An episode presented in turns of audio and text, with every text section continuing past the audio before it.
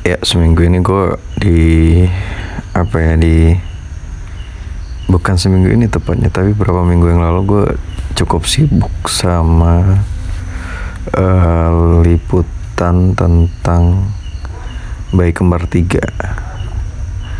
Jadi ceritanya itu kan uh, gue sih termasuk telat ya ngangkat beritanya karena udah beberapa hari kejadian gitu gue tiba-tiba dapat uh, sebuah pesan dari uh, pimpinan di Jakarta bilang kalau di Darmasraya jadi kalau Darmasraya itu sekitar seratusan lebih ya.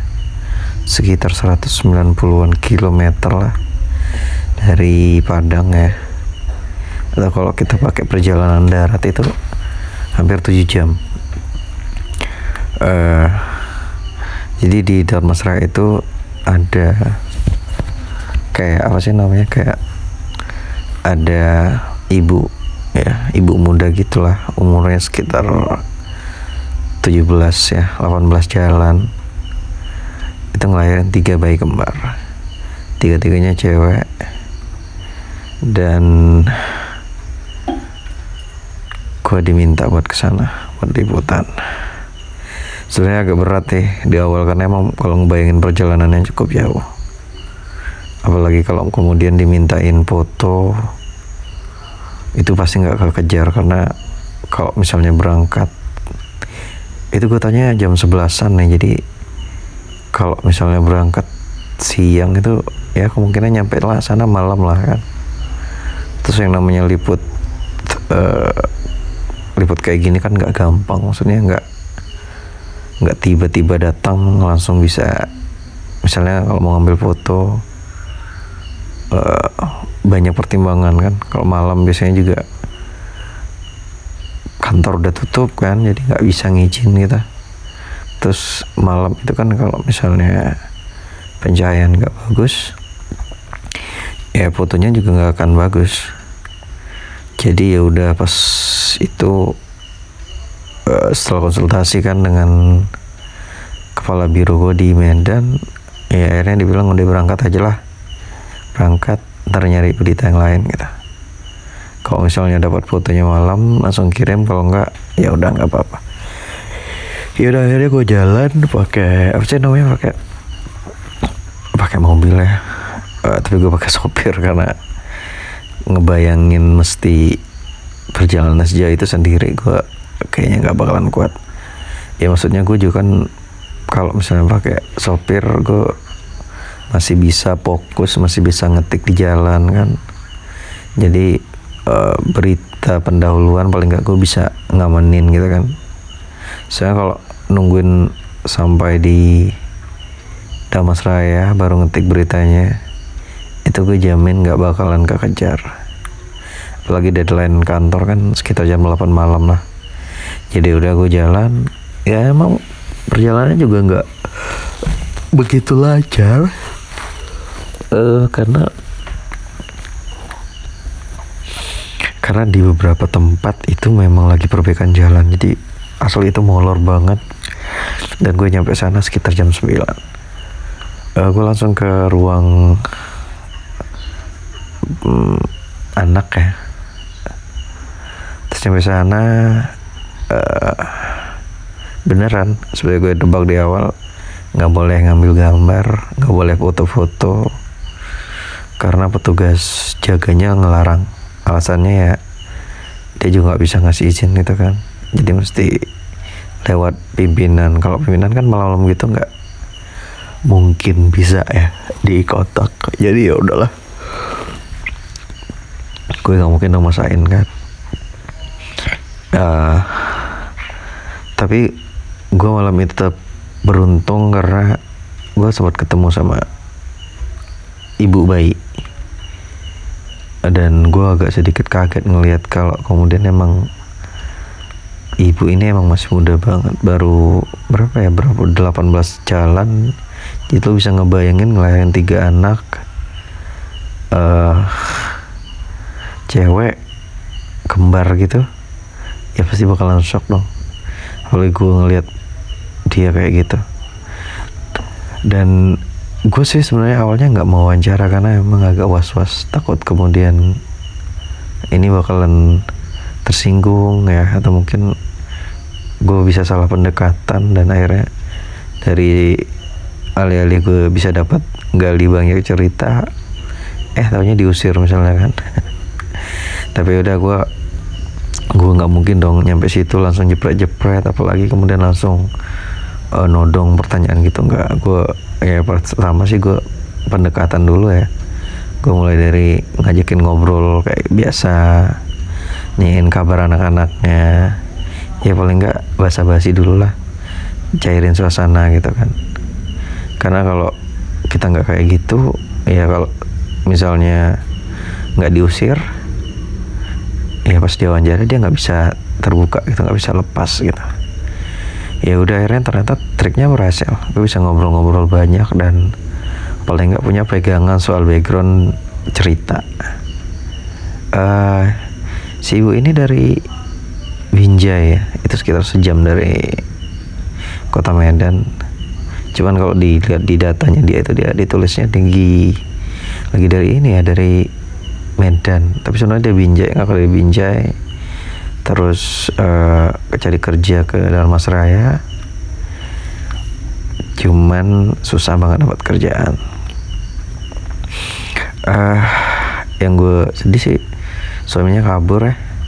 Ninggalin ketiga anaknya. Tapi untungnya sih si ibu ini uh, cukup kuat ya strong bisa bertahan gitu loh dalam kondisi seperti itu. Masih muda ngelahirin tiga anak tanpa ayah dari si anak nggak ada di situ kan. Jadi asli gue bener-bener agak agak sempat shock.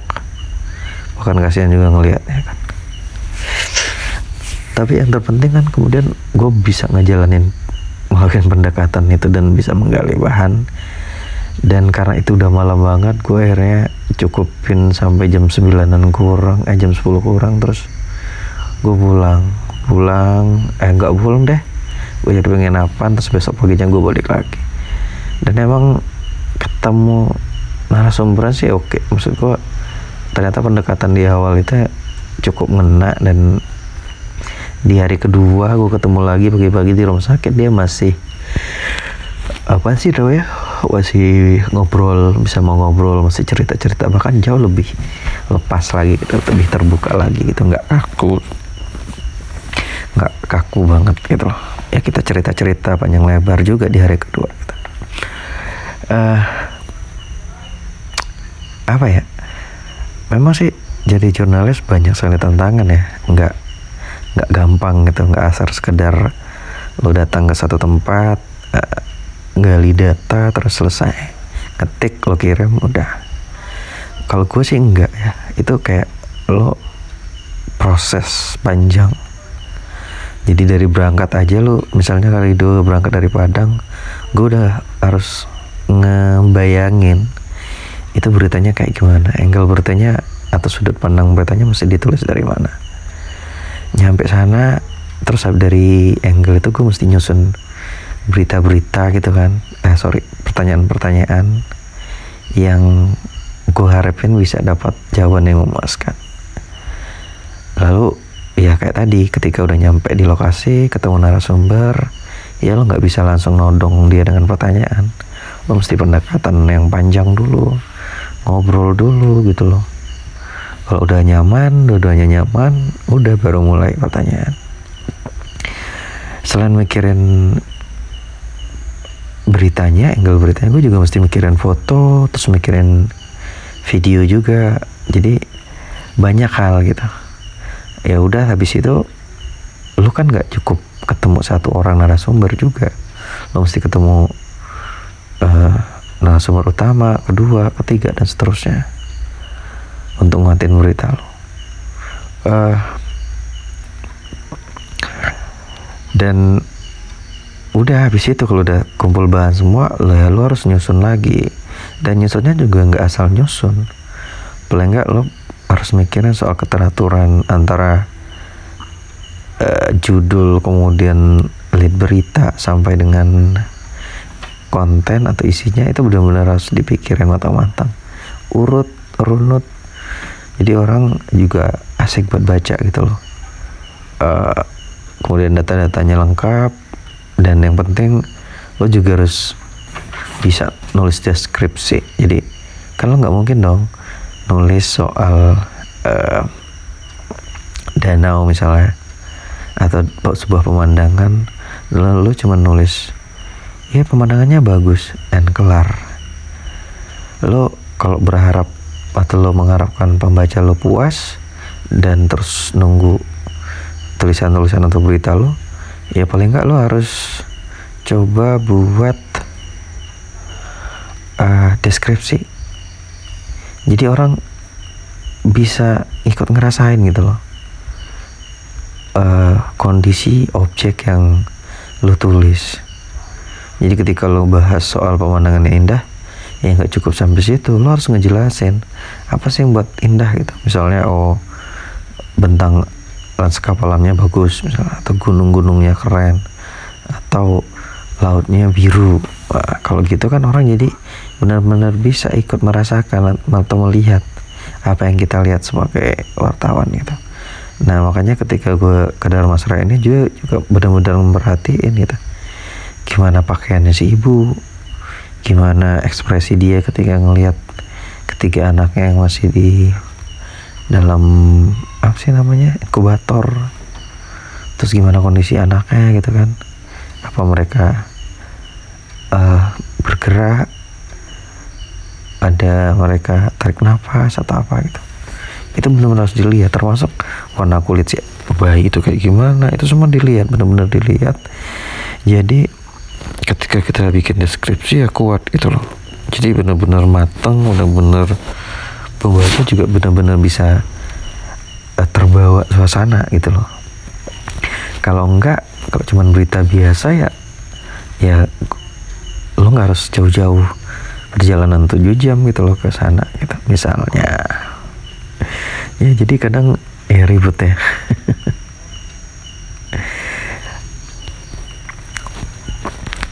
Tapi ya emang di situ itu tantangan sekaligus kenikmatannya gitu.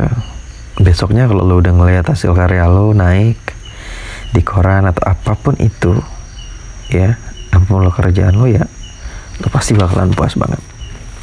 Nah itu yang gue rasakan juga ketika keesokan harinya gue berita gue naik terus hari berikutnya juga uh, dua hari berikutnya kemudian gue bikin picture panjang picture panjang terus tambah foto dan juga um, apa sih video gitu loh. By the way kalau lo pingin ngasih bantuan ya. Kasihan sih anaknya tiga-tiganya gitu ya. Kalau misalnya pengen bantu ini bisa banget sih. Karena sampai sekarang sih katanya bantuan dari pemerintah daerah setempat untuk untuk biaya perawatan yang sekitar satu juta sehari uh, itu udah sampai kalau kita ngitung dari awal dia lahir di 23 Juni ya itu sekitar berapaan juta ya? Hampir 17an 20an juta lah. Jadi uh, apa namanya? Cukup mahal sih biaya perawatannya jadi kalau misalnya lo mau bantu gue seneng banget sih. Lo bisa mention gue deh. Ntar gue coba terusin ke siapa gitu kan. Yang di sana pihak rumah sakit tentunya. Yang ngurusin proses uh, proses ini proses perawatan dan sebagainya gitu. Eh sebenarnya sih pada intinya eh lo kayak gue nih Dasmeraya itu kan nggak jauh ya 7 jam perjalanan ya kalau lo nggak nikmatin uh, sama aja lo bakalan ke sana cuma dapat capeknya gitu loh tapi kenikmatannya enggak sama juga sih sama kerjaan-kerjaan lain yang emang lo jalani dengan passion eh lo bisa benar-benar nikmatin kerjaan itu gitu. Seberat apa pun. Uh,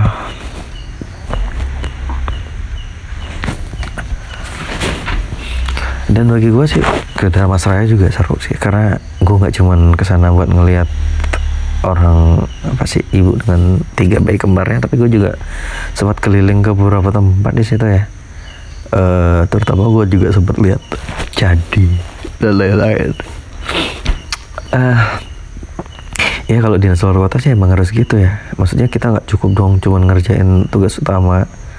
Sampingannya juga harus dikejar gitu karena emang banyak juga apa sih namanya um,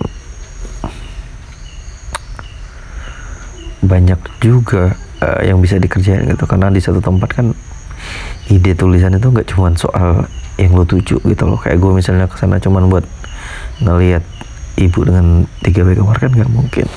Gue juga mesti explore gue nyari-nyari ide-ide lain yang so far bisa gue tulis dan bisa dimuat gitu loh di ya, tempat gue kerja. Jadi uh, ya kayak gitulah. Tapi serunya emang di situ juga ya. Gue bisa jalan-jalan bisa kenal daerah-daerah lain.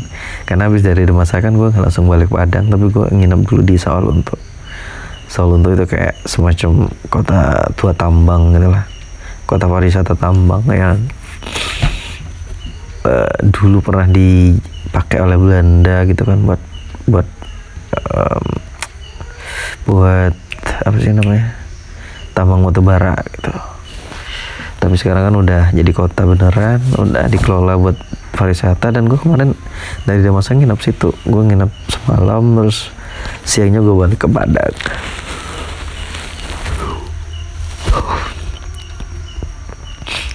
Uh, mungkin itu kali ya. Besok-besok gue lanjut deh cerita lain soal aktivitas gue sebagai jurnalis. Banyak hal sih yang ingin gue bahas-bahas. Terus semoga gue ketemu juga jurnalis senior yang bisa diajakin ngobrol juga di podcast ini so thank you for listening guys. Bye